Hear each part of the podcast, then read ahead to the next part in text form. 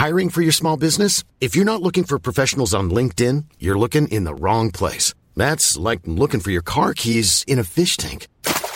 LinkedIn helps you hire professionals you can't find anywhere else, even those who aren't actively searching for a new job but might be open to the perfect role. In a given month, over 70% of LinkedIn users don't even visit other leading job sites. So start looking in the right place. With LinkedIn, you can hire professionals like a professional. Post your free job on linkedin.com slash people today. Everyone knows therapy is great for solving problems, but getting therapy has its own problems too, like finding the right therapist, fitting into their schedule, and of course, the cost. Well, BetterHelp can solve those problems. It's totally online and built around your schedule. It's surprisingly affordable too.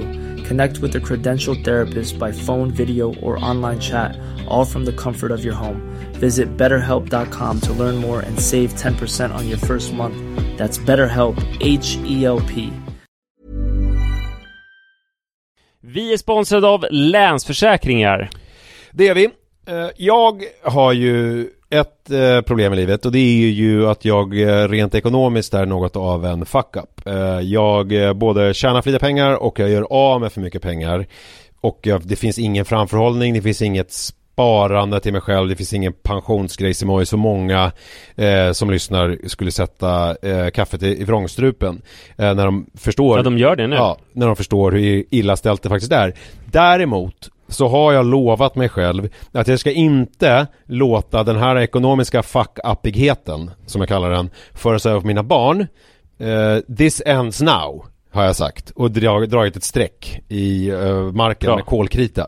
Eh, tatuerat in ett streck har jag gjort. Eh, och därför så sparar jag till barnen varje månad. Och vi har ett system, jag och Li, att eh, Li sätter in pengar på ett konto varje månad och jag sätter in pengar på ett annat konto varje månad. Livet är föränderligt, löften bryts, men Länsförsäkringar finns där för alltid och kan hjälpa till, då bland annat med Barnspar. Vi tackar Länsförsäkringar för att ni hjälper Nisse och andra att hålla sina löften. Och eh, glöm då inte att Länsförsäkringar kan alltså hjälpa dig med bank, pension och försäkring. Tack så mycket!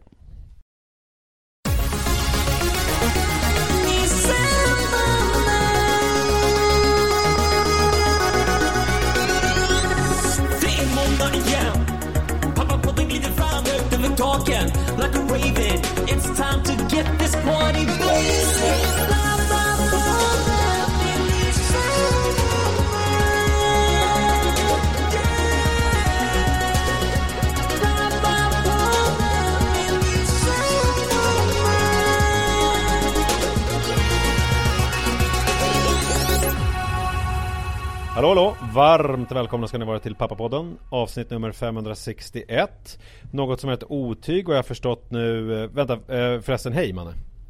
Hej! Hej! Jo, jag lyssnar ju på eh, Emanuel Karlstens eh, podd Mediepodden Eller jag kommer inte ihåg vad den heter nu eh, Han hade en pappapodd också. mm, Ja men det har vi sagt tusen gånger. Faderskapstestet? Ja. Ja, det kanske, ja men i alla fall Jag lyssnar på den i alla fall för den är ganska kul och man lär sig lite om mediebranschen och sådär eh, Men då så var det, hade de något litet snack han och eh, Vad heter han? Olle Hell? Eh.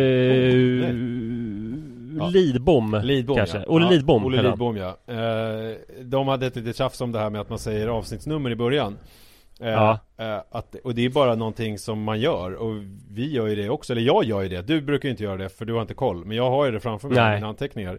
Eh, Och också att, men också det här att man skriver avsnittsnumret eh, Vilket är tydligen någonting som Apple tycker är ett oskick. För att jag vet inte om det är någonting med sökbarhet och sådär som gör att det blir konstigt Eh, Men eh, ja, jag vet inte Jag har inte reflekterat så mycket över det där Men ja, nu sa jag i alla fall 561 Och jag gjorde en stor grej av det och pratade om det i typ en minut Jag, jag fattade inte riktigt vad otyget var. Nej, alltså det är väl att det liksom är så jävla ointressant för lyssnarna att eh, veta hur många avsnitt man har gjort eh, på något vis. Ja, ja det är väl enormt ointressant. Mm. Och också att man skriver det i avsnittsbeskrivningen. Alltså det är ju som om Aftonbladet skulle skriva att nu är det nummer 23 276 Det enda som jag Överst varje känner. Det enda som jag känner som kan göra att det finns eh, viss bäring i det Det är ju att man visar att man har funnits länge Och att det då finns, Mm. alltså för folk som ly- börjar lyssna Att, de, att man kanske känner så här, ja men de här, de här är nog stabila De här kan man nog lyssna på De har hållit på ett tag Det kommer liksom inte vara någon dagslända eh, Men jag vet Nej. inte Jag, jag tycker du ska fortsätta med det. Jag gillar det. Jag gillar tyngden.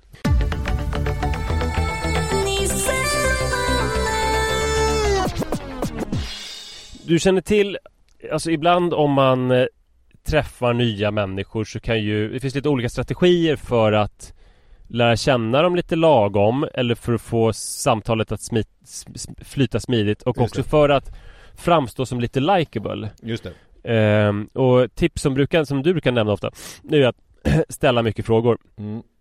Det kan ju funka, Mm. i alla fall om man ställer rätt frågor. Ja. Eh, eh, och inte, alltså och lyssnar. Mm. Alltså li, lika mycket som man ställer frågor så lyssnar man.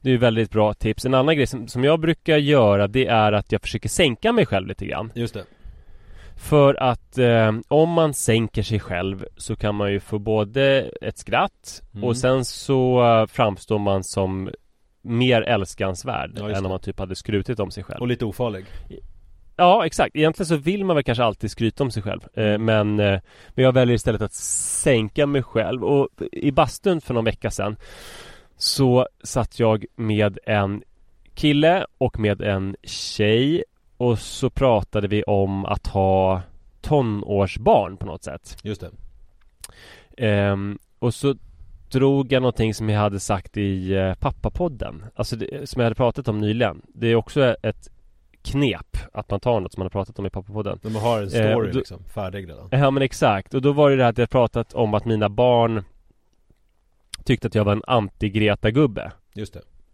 Alltså inte att de tyckte det kanske men att de förstod att det är inte, alltså jag vill inte vara en Ulf Brunnberg-gubbe. Men att de utmålar mig som en sån som typ älskar att bränna bensin och diesel och Mm. eh, eh, smeta in mig i kött och sådär. Eh, och hatar miljön och så. mm. Och så brukar Iris också lägga till att jag är, har Asperger. Mhm Alltså, och med det menar hon att jag, hon tycker att jag är oflexibel. Mhm Har du, Ja, och så- har, så har pratar du vi några då. exempel på det då? vi får fråga henne, jag släppte precis av henne på en Mm. fest där i Älvsjö där jag sitter i en bil. Men vi får fråga det sen. Okej, så om hon gillar att bli exempel. skjutsad med bilen men hon vill samtidigt skamma den som kör den till olika fester ja, exakt så är det ju. Ja, och du kör ju Eh. henne också överallt eh, på olika träningar och sådär och det, det duger Ja, ja. också ja. Mm, mm. Eh, jag skjutsar väldigt mycket. Men, eh, ja, men så sa jag till, vi pratade väl om, jag tror det började med att vi pratade om att här, det är så tråkigt att mina tjejer inte vill basta med mig längre. Att Just de är i det. en ålder när det är otänkbart att basta med farsan. Mm. Och så så sa jag liksom När man att, tänker eh, oh god ja, när en stotte tar en dusch Är det, den, är det den låten de fan, lyssnar på eller? äckligt det där är. Hur många det, gånger, fan, hur många det gånger har jag dragit riktigt den? okej. Ja, det där var inte riktigt okej Nisse. Eh, Hur många gånger har jag dragit den i, eh, i podden? Den eh, gamla textraden Alltså Många den gånger. har, den, du gillar den på något vis. Ja men den det är så roligt talar till någonting i dig. Nej men det är inte, det, det, det, är, det, är, det, är, det är bara Den är ju, det är ju Sveriges äckligaste text.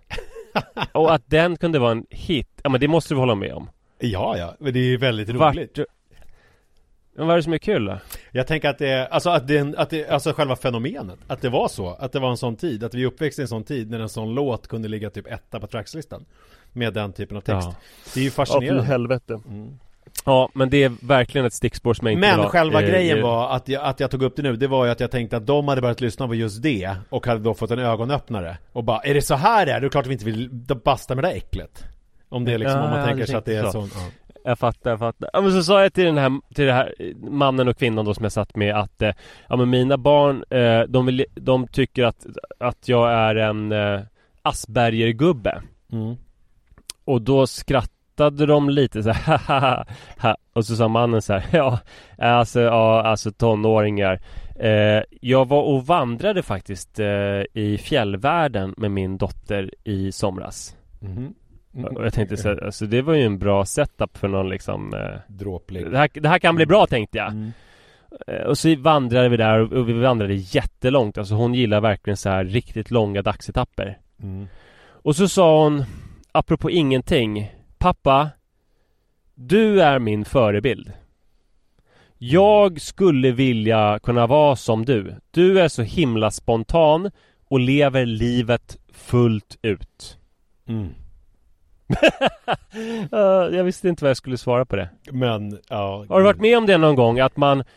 Att, alltså för han sa det som att det var en fortsättning på min roasta mig själv-grej. Alltså jag, jag vet inte vad alls vad han tänkte där. Fast samtidigt så får man ju tänka då, alltså Du eh, Mission accomplished kanske för dig För att han kommer ju Ja. uppfatta dig som helt ofarlig och en härlig person Som han känner sig lite så bättre farligt så jag kan berätta mitt värsta skryt. Ja, men problemet är ju bara att du är ju Ja, eller som det är som du säger, då är det så här, oj jävlar, eh, ska jag ringa SOS nu? Eller Mm. ska jag berätta om hur det brukar vara att vara en tonårspappa? Nej men jag tänker att det är så här, om man roastar sig själv Så är det ju, Ja. eh, det kan ju också vara som ett lackmus eh, test på vad det är för person man har framför sig För att om Mm. personen i fråga själv börjar roasta sig själv och att man kan mötas i det Så kan det ju bli så här, eh, ljuv musik uppstår och ni blir bästa kompisar resten av livet Ni kanske startar en podcast till och med eh, Där ni pratar om eh, alla olika misslyckanden eh, ni har som föräldrar Som det blev i ett fall Som jag har ganska eh, Ja, det ligger mig nära eh, Ja, Men eh, så kan det ju också vara som i det här fallet då att Han Var det den bara- här tennispodden som du hade med, Exakt. David? Exakt Mm. mm. Eller så kan det ju vara som ett eh, Att du framstår som ett Ofarligt skämt som han kan typ eh, Sätta dit och då är det ju så här eh, Ja då tycker han att du är trevlig Men du vet ju då att den där personen kommer ju aldrig mer behöva Hänga med Jag var med om något liknande faktiskt på Någon av de här datingapparna När jag testade samma grej Att jag tyckte liksom att eh, jag, jag skrev Jag provade lite olika tekniker Men då skrev jag någonting i stil med Mm. så här eh, Alltså du är så snygg, jag är inte värdig Typ så här, gud att du ens svarar och bara bla bla bla bla bla eh, Och hon, eh, men hon var ju iskall då och bara typ så här, eh, Hörru du behöver nog jobba lite på din självkänsla ja. och, och då Det som händer då är ju att Då förstår ju jag att hon Inte överhuvudtaget är någonting för mig. För om hon inte fattar den grejen eh, Så blir Nej. det ju liksom Då kommer ju aldrig Det kommer ju inte vara så att jag kan ändra mig Och bara eh, Nej förresten Jag skojar bara. Alltså jag är mycket snyggare än du. Eh, Jag bara sa det där för att jag ville framstå i god dag. Utan då blir det ju liksom Det blir som ett test direkt och så vet man så här Men nu går jag vidare. Och om du då eh, Och så eh, Vad heter det Unmatchar i alla fall man gör Man tar bort liksom. Eh, Och sen Mm. så tänker man inte mer på det och så, den, det förhållningssättet skulle du kunna ha till det här också. Att, För jag menar, du har ju framstått som skön och härlig och mysig. Eh, Sen att han inte Att han typ tog det lillfingret och sög i sig hela jävla dig Och svalde och spottade ut eh, Så vet ju du att så här, ja men den här liraren behöver ju inte jag Hänga med så mycket mer i bastun. Och nästa gång ni ses i bastun om ni gör det så behöver du ju inte prata så mycket med honom helt enkelt. Alltså, Nej, då kommer jag dra mina skrythistorier istället. Eh, ja, eller, ja, men då blir det ju lite som om jag skulle ändra mig i fallet henne Ja. och började prata om någonting annat. Så jag tycker väl kanske att du ska bara eh, veta att det där var ingenting för mig. Men vad sa Nej, hon nej, då? precis. Är, är jag ju nyfiken på. Nej, hon sa, hon sa inte så mycket alls. Men din historia där påminner mig om eh, David Mer, en gammal kompis till mig som är väl mest känd just nu för att, ja, dels så har han gjort massa P3-dokumentärer men han klipper sen lång tid tillbaka Filip och Fredriks podd varje vecka. Och han är också känd Och för han- Pappapodden, för här nämns, nämns han ju med någon slags oregelbunden regelbundenhet ändå. Ja, kanske. Mm. Ja, och eh, han, jag vet inte hur det är med det nu, men han hade någon slags eh, sjukdom eller tillstånd som gjorde att han darrade väldigt mycket på händerna. Mhm.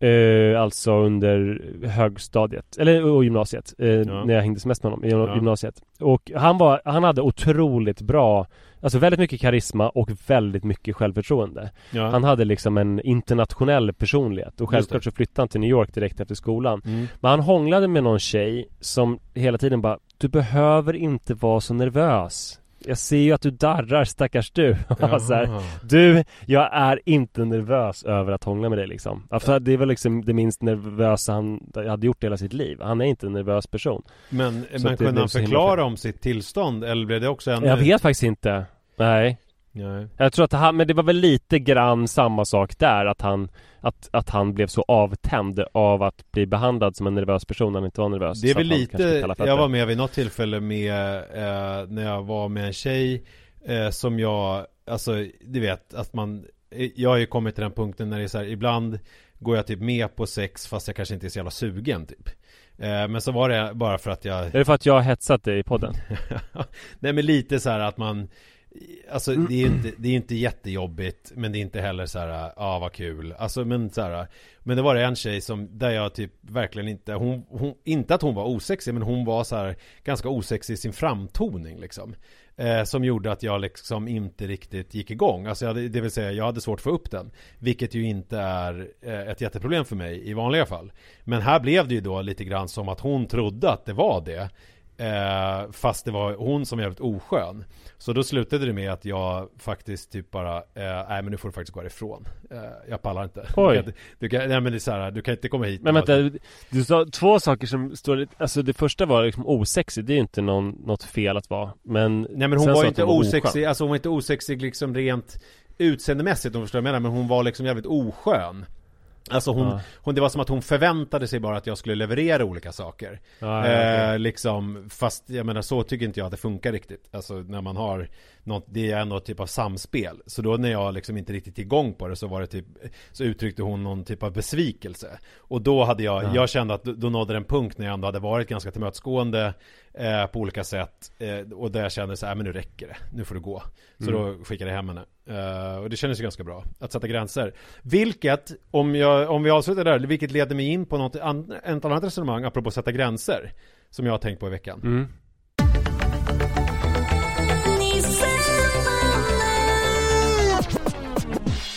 För att jag upplever ju att sen jag liksom nu är på min resa i livet med olika diagnoser och annat att jag har börjat kunna sortera liksom för mig själv vad jag tycker om olika saker.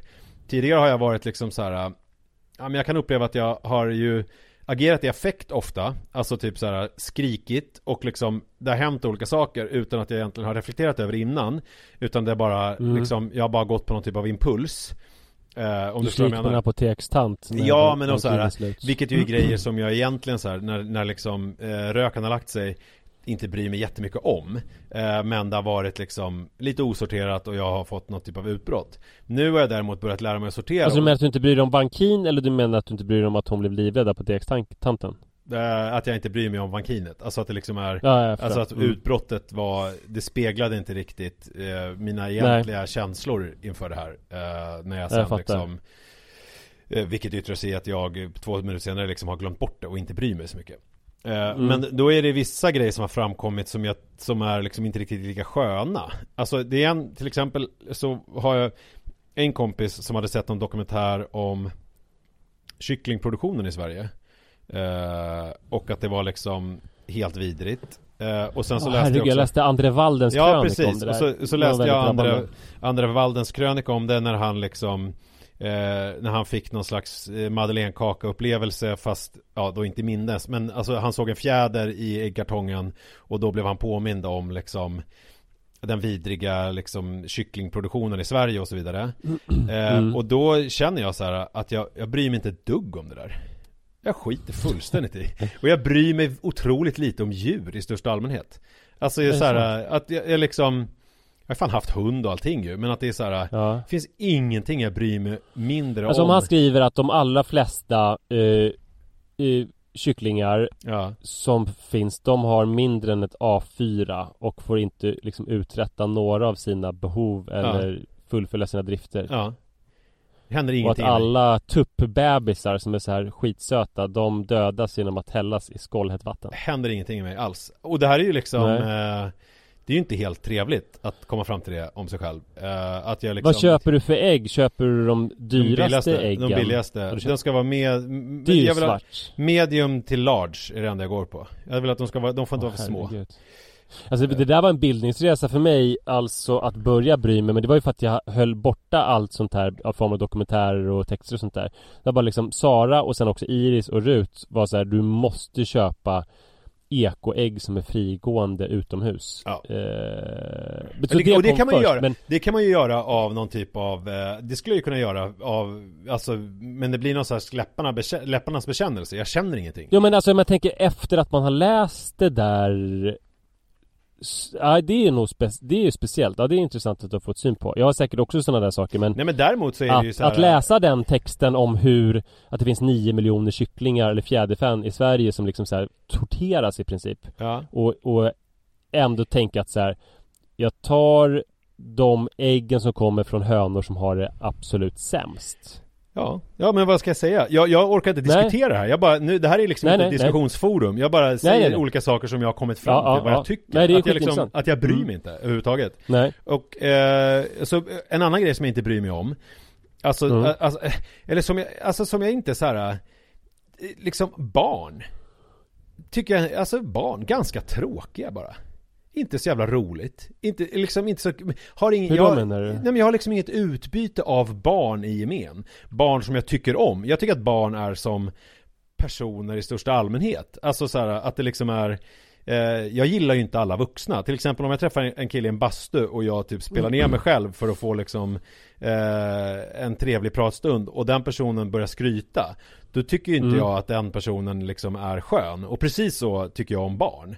Att jag är så här, det finns liksom ingenting i barn, alltså det finns inget liksom, om man tänker sig sinne, i sinnevärlden, eller idévärlden, alltså, Ja. idé, alltså idén om ett barn är liksom inte eh, en grej för mig. Däremot såklart så finns det ju härliga ungar som är roliga att hänga med. Men det är liksom Men inte... alltså för man kan tänka där, eh, som vi pratade om förut, att du gillar ju kvinnor mycket mer än män för att du är liksom heterosexuell. Just och det. sen så kan ju jag känna med barn, inte då att jag är pedofil, utan att jag är liksom barnorienterad. Så jag upplever att om jag tar tio stycken vuxna personer och sen så tar jag tio stycken fyraåringar så kommer jag ju tycka att väldigt många fler fyraåringar är roliga och likeable. Men Ja. så känner inte du Nej så känner inte jag. Där är jag ju mer Nej. team vuxen. Mycket roligare Ja. att prata med vuxna än med barn i gemen. Alltså barn behöver nog leverera lite mer för att jag ska tycka om dem. Alltså lite som Ja. snubbar då behöver leverera lite mer än tjejer. eh, för att jag ska liksom gå igång på dem. Eh, Mm. och, det här tycker jag är, jag tycker att det är ganska kul på ett sätt för att man lär sig saker om sig själv. Och det var ju lite så här, jag drog det till sin spets liksom nu med det här kycklingexemplet. Men just det här att jag känner att jag har lurat mig själv lite grann genom livet. Att jag har liksom sagt att jag typ så här gillar, gillar djur i största allmänhet. Alltså typ så här mysigt med att klappa en katt. Eller det är det ju inte eftersom jag är allergisk. Men typ så här mysigt med en hund. Mysigt med, kul med små apor. Eh, ku- alltså fast jag så här, nej. Det skulle liksom, jag skulle... Men det du är, alltså när du träffar ett barn bland folk så är du ju extremt angelägen om att vara omtyckt av barnet. Ja det är ju för att jag vill bli omtyckt Men av det- föräldern. Ja, just det. Du är liksom li- så pass narcissistisk så du vill att alla ska tänka Jävlar vad han är bra med barn Men jag upplever ju barn." också att jag är ganska bra med barn. Alltså jag, för jag menar jag tar dem ju det, det är liksom, jag tar dem ju på ganska stort allvar Vilket innebär att jag liksom då ställer lite krav på dem Jag menar, jag gör väl precis med barn som jag gör med vuxna Att jag så här, försöker vara lite trevlig och ha mina tekniker För att vara lite mysig, men ifall jag inte får någonting tillbaka Så kommer inte jag liksom eh, Då kommer inte jag leverera så mycket mer Utan då är det så här, ja då går jag vidare eh, Mm, Men, jag- men då, då, då skickar du hem dem Mm, Ja, alltså är de här hemma hos mig, alltså då är de Mm. väl oftast här i, med anledning av mina barn. Det är ju sällan jag har barn Ja. på besök som är här för min skull. Eh, men visst, skulle jag ha, skulle jag ha dem och få någon slags då själsligt, att, att om vi nu fortsätter med det här pedofilanstrykta poddavsnittet, om jag då skulle få någon slags själsligt, bli själsligt slak, så skulle jag väl skicka hem dem. Eh, om du förstår vad jag menar. Mm. Eh, Men däremot så tycker jag ju väldigt mycket om människor. Alltså det gör jag ju. Mm. Jag tycker att människor är typ det häftigaste och mest fascinerande eh, som vi har. Och jag är liksom, eh, det är ju inte som att jag är när jag läser om Gaza eller det som händer i Ukraina eller i Israel för den delen. Det är ju inte som att med, med all människolidande där. Det är inte som att jag då tänker på samma sätt som jag gör eh, med när jag läser om de här kycklingarna. Alltså då blir jag ju då, då tar jag det till mig. Och det där känner jag ändå är min räddning. För jag vet ju att det finns ju vissa människor i historien. Jag tänker framförallt på en. Jag vet inte om du känner till under typ, Misslyckad konststudent misslyckad konststudent ja, som var någon slags eh, soldat var i, med en ganska låg rang i första världskriget och som sen eh, satt i fängelse ett tag för att han gjorde en misslyckad kupp. Eh, och eh, då skrev en bok som hette Min kamp. Fast på tyska. Mm. Eh, och sen så blev han han blev chef kan man säga i Tyskland. Eh, självutnämnd. Eller först blev han utnämnd och sen så blev han självutnämnd för evigt. Tills han eh, tuggade på en cyanidkapsel och sköt sig själv i huvudet i en bunker 1945. Men han eh, älskade ju djur. Men hade ju väldigt Mm. svårt för eh, människor i allmänhet. Och, eh, Så du menar att du är ändå bättre, bättre än Hitler? Alltså det, det är väl det jag kommer fram till också. Att det är så här, att- och det känns ju ganska skönt. Att man ändå har liksom, har någon bakom sig i liksom eh, psykopatligan. Nej Ja, men, verkligen. jag- men jag undrar det där, jag har tänkt lite på vad det säger om en person som då eh, tycker, eh, alltså inte är så intresserad eh, av djur för att det är ju väldigt många eh, som Vet du vad du säger? Alltså om man ska vara inne på narcissistspåret Alltså Ja. det det säger är ju att Du vill ju Ha en spotlight på dig själv som varken en, ett djur eller ett barn kan bidra med Ja, ja, du tänker så, att det liksom handlar om att man är så ego Och djuret, Ja. fast å andra sidan, en, en dum hund Är det någonting den gör, Ja, ger så är det ju bara någon helt liksom Ja, villkorslös kärlek. Och det är väl lite Mm, samma Men du grej vill, som du vill inte ha det där villkorslösa Det är väl det? Nej, nej. Jag, jag vill... Utan det, du vill att du vill vinna den villkorade kärleken och uppmärksamheten och beundran Ja, just det Och det är bara vuxna som kan ge det Ja, jag köper inte det här liksom, eh, alltså att de är beroende av mig i någon form av mat Jag tycker och bara de är husrum. dumma som, exakt, Mm. nej precis Mm. Utan du vill att, att någon ska välja att beundra dig Mm, och inte vara beroende av mig utan mer välja Nej. att vara med mig av egen vilja Ja. Eh, ja, Ja. Så, så kan det vara eh, Ja men så att det, det där är ju spännande och jag tycker, jag, ja, ja men jag, jag Ja Ja, det är fascinerande resa att gå på liksom genom sitt eget själsliga mörker och när man kommer fram till saker som man liksom Man ifrågasätter saker som man typ alltid har sagt och sen så kommer fram Ja. till att man eh, Vissa saker har man bara gjort av gammal vana och då kan också, då kan vara saker som att man gillar djur eller barn typ. Eh, Ja, ja. det är jätteintressant och man har ju såklart många sådana Men kommer det här att du har eh, kommit till den här insikten nu Kommer det förändra någonting? Jag antar att du kommer ta samma ägg Men kommer du göra det med större glädje och kommer du liksom sluta att Hänga med barn eller hänga med dem på ett annat sätt än du gjort innan när du låtsades vara barnkär?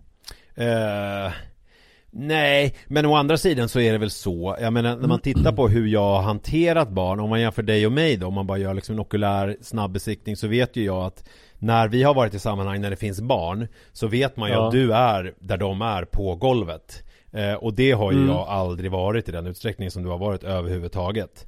Jag, eh, jag, jag hälsar ju eh, liksom glatt på barnen och eh, ser dem, uppmärksammar dem men sen är jag väl inte så jätteintresserad av att liksom eh, fördjupa den vänskapen. Du kan ju liksom lätt döda några timmar på att hålla på och Ja men sen ska man säga att, att förutom att jag gillar barn så gillar jag ju också att fly från sammanhang där vuxna sitter helt stilla och pratar Jag får ju panik på det Ja just det. Ja det kan ju vara Att sitta vid ett bord eh, Mm. tycker jag är rätt jobbigt Ja. ja, du gillar ju Jag mer att flaxa runt och hålla på och pilla med Ja. olika grejer. Exakt Eh, jag gillar ju att, jag gillar att sitta vid bord. Det tycker jag är trevligt. Mm. Det är apropå vad jag tycker om. Eh, Mm. Det tycker jag är astrevligt. Eh, och det är ju en eh, mysig egenskap. Faktiskt, att ha också. Ja, verkligen. men också, det är ju så här, när man då lär känna sig själv på det här sättet, när man vet vad man själv gillar, så vet ju jag också att typ om jag träffar någon som inte tycker att det är så jätteroligt att sitta vid ett bord och döda liksom fyra timmar bara på att sitta och gaffla, då behöver Mm. ju inte, då behöver inte jag känna så här eh, att det är något fel eller att jag måste göra någonting för att det ska funka. Utan då kan jag känna så här, nej men det här var inte för mig och så kan man liksom eh, gå vidare för att man vet olika saker om sig själv och man behöver liksom inte till varje pris försöka förändra sig eller, eller förhålla sig till andra människor på det sättet utan man kan så här, ja men alla är inte för alla så att säga utan man har, man har sina Och då menar du att du och jag inte är för varandra för att jag gillar bord mindre än du? Eh, ja, nu, nu tolkade du direkt in dig själv i det hela. Ja, alltså jag tror på något Ja. sätt att du är för mig eftersom jag har hängt ihop med dig i, i sen 2011, vilket ju är, vi är inne på vårt trettonde år ihop på olika sätt. Så att, Mm. eh, där känner jag ändå att eh, du har väl andra förtjänster då som gör att jag Hoppas det eh, tycker om att eh, gaffla med dig. Vi sitter ju nu och gafflar till exempel. Eh, Ja, inte vid bord märk Nej. väl nej, det är sant. Many of us have those stubborn pounds that seem impossible to lose, no matter how good we eat or how hard we work out. My solution is PlushCare. PlushCare is a leading telehealth provider with doctors who are there for you day and night to partner with you in your weight loss journey. They can prescribe FDA-approved weight loss medications like Wagovi and Zepbound for those who qualify. Plus, they accept most insurance plans. To get started, visit plushcare.com slash weight loss. That's plushcare.com slash weight loss. Hiring for your small business? If you're not looking for professionals on LinkedIn, you're looking in the wrong place. That's like looking for your car keys in a fish tank. LinkedIn helps you hire professionals you can't find anywhere else, even those who aren't actively searching for a new job but might be open to the perfect role. In a given month, over 70% of LinkedIn users don't even visit other leading job sites. So start looking in the right place. With LinkedIn, you can hire professionals like a professional. Post your free job on linkedin.com slash people today.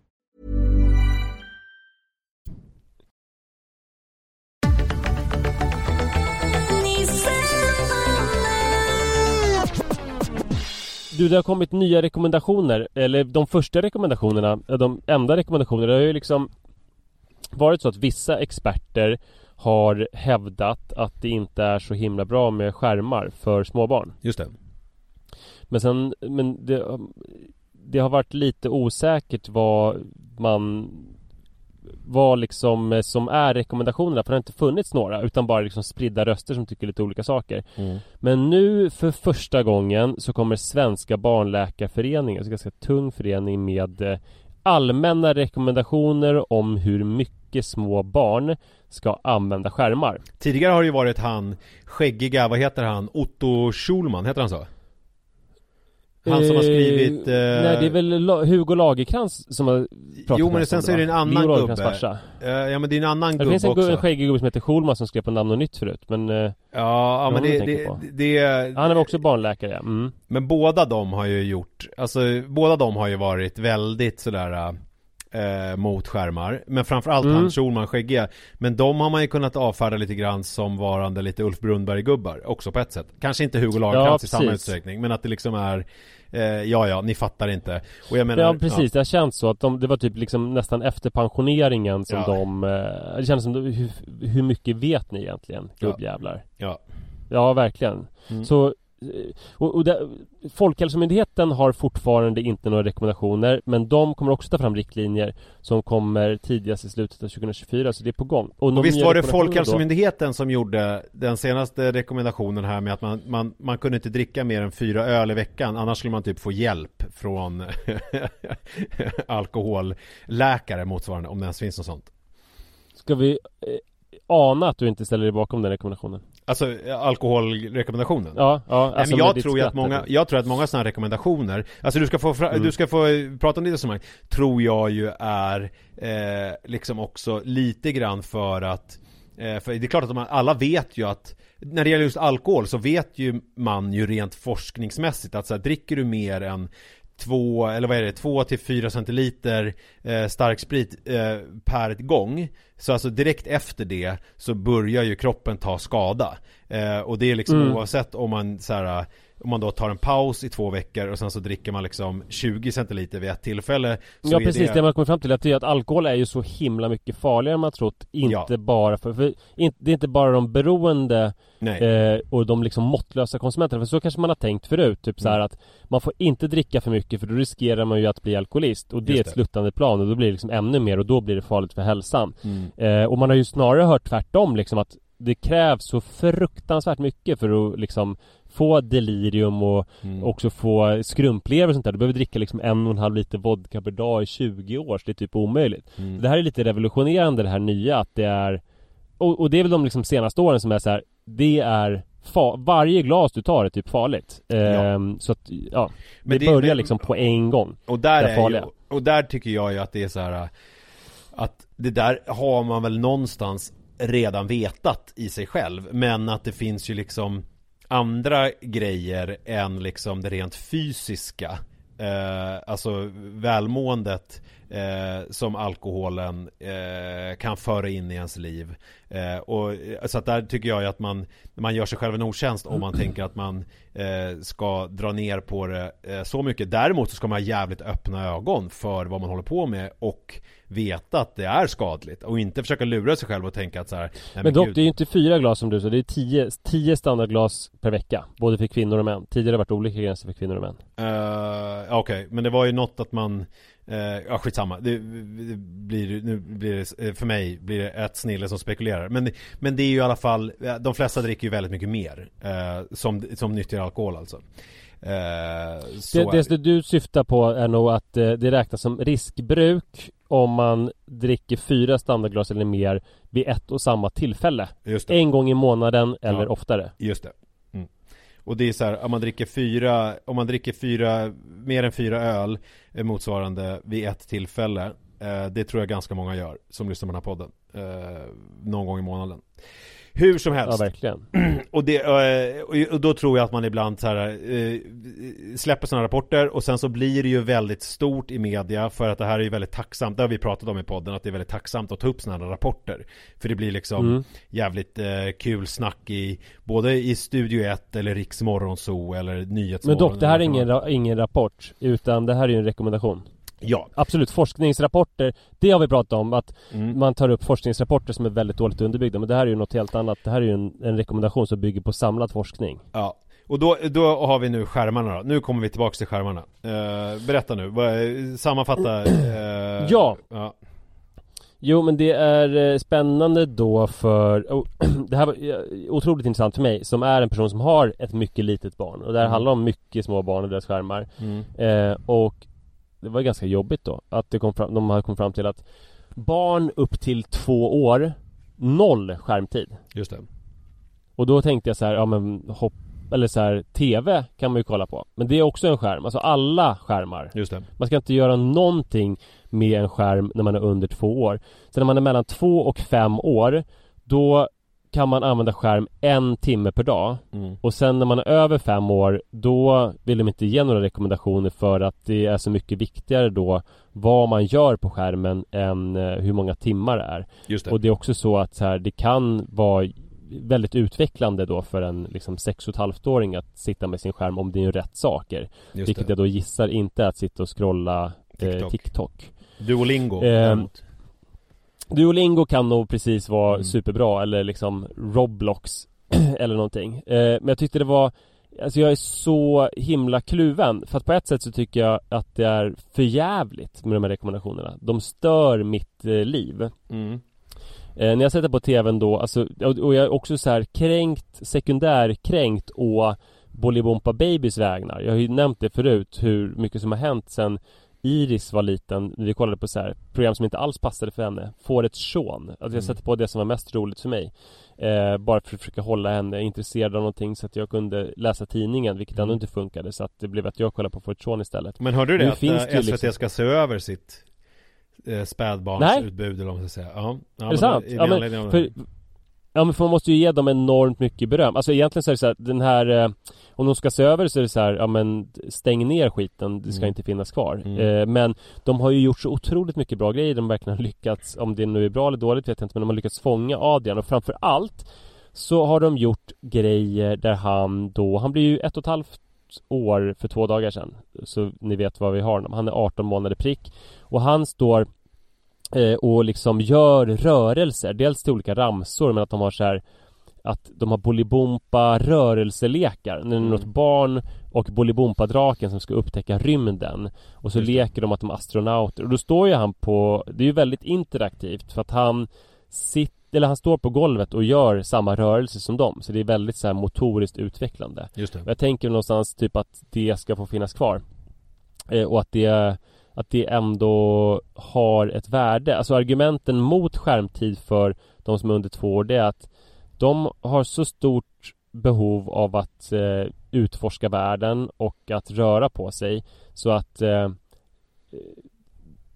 en timme skärm då om skulle ta tid från annat. Det finns bara ett begränsat antal timmar under dygnet som man är vaken och då ska man typ helst prata med sina föräldrar, läsa böcker, göra taktila saker och eh, vara ute i naturen liksom. Något som jag kan, Eh, som liksom jag inte kände igen mig när jag det. läste här Det är ju hur man kan ta till skärmen ist- Alltså istället för att lära sig typ reglera känslor och sånt där Mm. Att man liksom då Ja stänger in sig i skärmen eh, istället och liksom gör det Ja. istället för att liksom vara i en känsla eller känna någonting och sådär och det är ju eh, det är såklart eh, jättejobbigt Eh, däremot så undrar jag lite grann med, och det här tangerar ju någonting som jag pratade om för, jag kommer inte ihåg, några veckor sedan med det här med eh, jag kommer inte ihåg eftersom jag aldrig kommer ihåg någonting men jag, alltså det som jag minns av vad jag menade i alla fall även om det inte kom fram så var det ju så här det här att eh, vi inte vet hur den här generationen kommer eh, liksom bli när de växer upp. Alltså hur, Nej. hur pass skadade de kommer bli och att det också lite grann är deras huvudvärk. För att vi kan inte göra mer än att eh, göra det bästa och försöka famla i mörkret. Eh, och liksom det kommer, nu kommer en sån här rekommendation att det då ska vara noll eh, skärmtid eh, innan, innan en viss ålder vilket jag tror är så här eh, ganska orimligt. Alltså att eh, kräva av en förälder 2023 Däremot så tycker jag det ska bli intressant att se eh, hur våra barn förhåller sig till det här med, till sina barn. Eh, Om det är så att det kommer vara liksom som rökning på krogen. Att, det, att, det, att man har ändrat sig och så bara Hur fan kunde ni låta oss? Eller som, som Ja. när, vi, när vi satt liksom eh, Och typ utan några bilstolar och utan liksom eh, Bilbälte i baksätet medan föräldrar satt och rökte i, i bilen till exempel. Alltså så här, Vilket ju skulle vara helt otänkbart idag.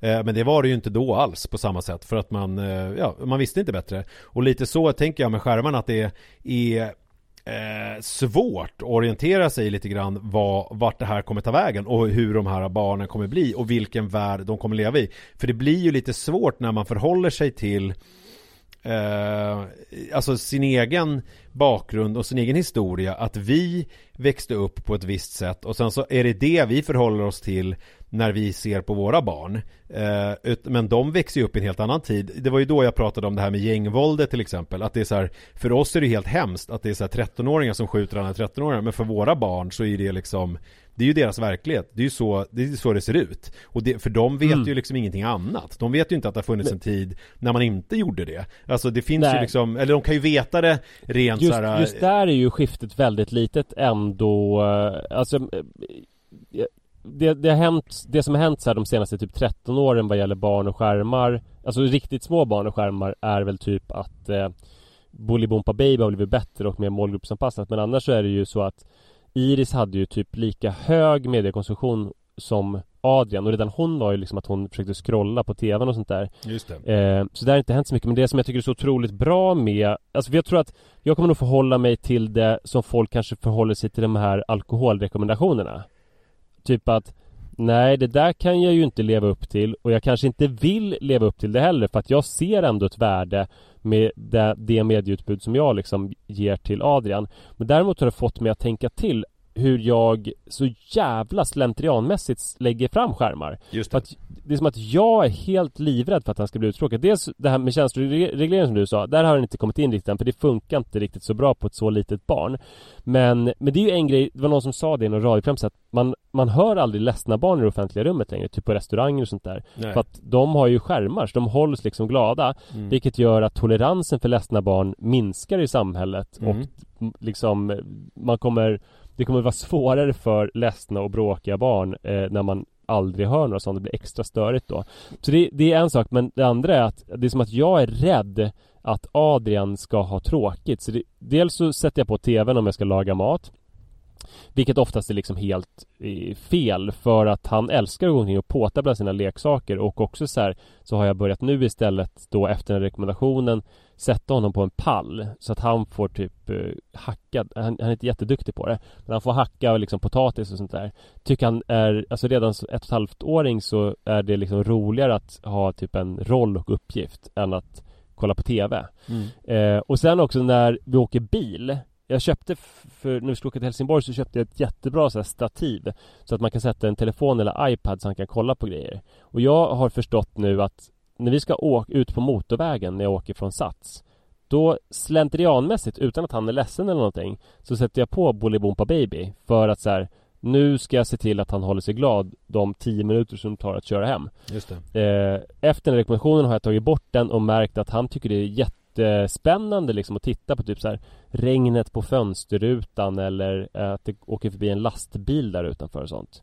Men jag tänker att Eh. ett misstag man gör också är ju att man tänker sig att man själv är liksom målgruppen för den här kritiken. Det är ju lite som om man tänker snabbmat, om man tänker liksom så här, eh, och alkoholkonsumtion eller vad det nu är så är det liksom, om man tänker sig eh, att man, om man själv får dåligt samvete Alltså så Mm. är man nog antagligen Det är lite det här, jag vet inte om du har hört uttrycket Ifall man eh, tycker att man är en dålig förälder Så är man nog inte det eh, För att en, en riktigt dålig förälder reflekterar inte över eh, Att den är en dålig förälder. Det var väldigt roligt, apropå det så var det ju en tjej Om jag tar en Tinderliknelse Hon hade skrivit att så här, psykopater undanbedes i sin profil. Och då, då var jag tvungen att kommentera på det bara så här, Hur många psykopater tror du typ läser där? Och bara Fan! Helvete! Hon är ingenting för mig.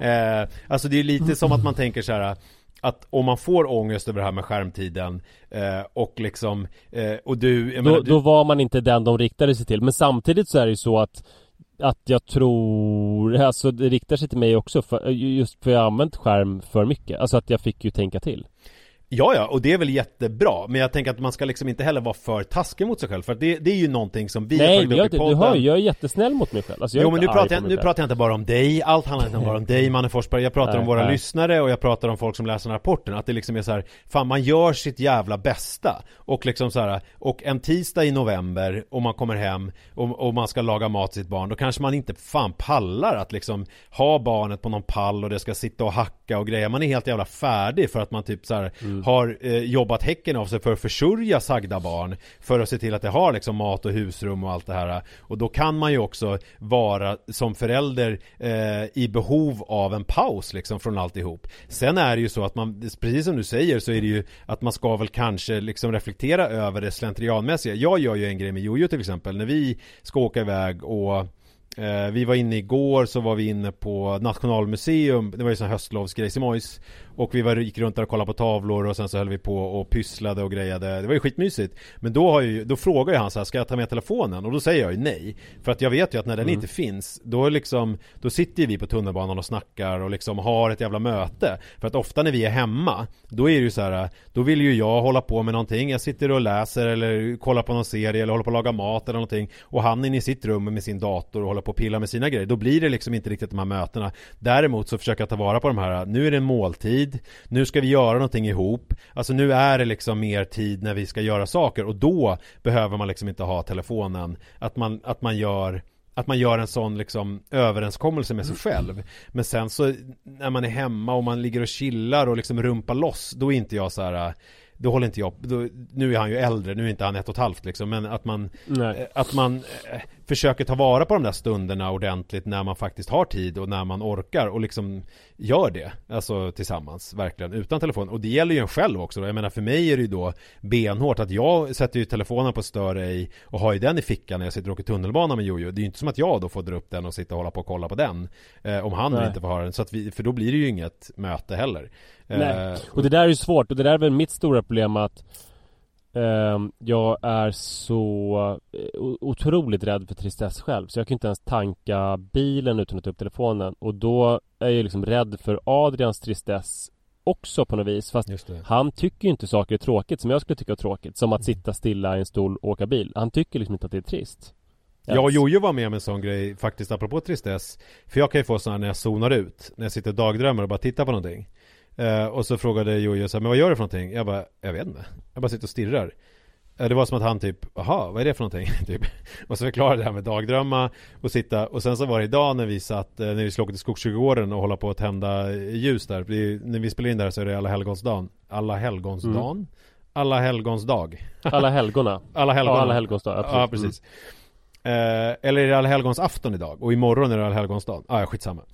Jag vet inte. Eh, Då, eh, i alla fall Då helt plötsligt så kom han på sig själv. Han bara, pappa nu gjorde jag det där. Nu satt jag och stirrade ut och bara tänkte inte på någonting. Jag bara, spännande. Eh, Och det är ju kul eh, På något Mm. sätt. Man kan ge, ge honom det Eh, men eh, ja, jag vet fan. Alltså det, det är väl som allt annat. Man får liksom ta det med en nypa salt. Man får liksom ta russinen ur kakan och eh, se på sig själv utifrån. Men samtidigt inte vara så jävla taskig mot sig själv. Och sen så försöka ta vara på de stunder man har.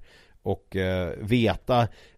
För mig är det viktigaste i mitt liv är ju att veta vad, till exempel som jag lärde mig på de här olika ADHD-kurserna eh, Att om jag skriker på mina barn Så är det någonting som jag gör ibland För att jag blir förbannad och jag är inte mer än människa. Men det är liksom ingen uppfostringstaktik. Det är liksom ingen Nej. Det är ingenting som fyller ett syfte Utan det är någonting som händer. Eh, och, och då gick ju jag från att så här, tänka att det kanske var någonting att man behöver bli förbannad och skälla och liksom höja rösten och vara liksom så För att det är ett sätt att sätta gränser. Men då har jag lärt mig att så här, nej men det, det är inte bra för barnet Men däremot så är det inte jättedåligt om man sen plockar upp det efteråt.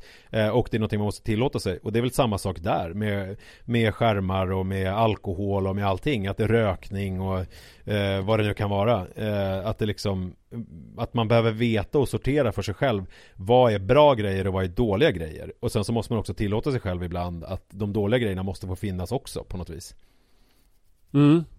Fan vad klok jag är. Jag är så jävla smart. Jävla ynnest för er som lyssnar på den här podden att ni har mig. Vad skulle ni göra annars? Ja. Nej, otroligt. Mm. Du, ska vi säga så? Vet du, jag håller på att göra en lasagne.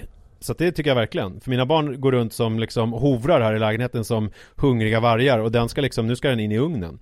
Eh, så det är ändå Så tycker du ska utfodra dem. 20-25 minuter bort. Eh, så att de kommer väl snart ätit upp allt godis och allting och så får jag sitta själv som vanligt med en jättelasagne och de är mätta på skumbananer och eh, geisha-choklad. Fy fan. Hörni, tack för att ni lyssnade. Vi hörs om en vecka. Det gör vi. Puss på er! Hej!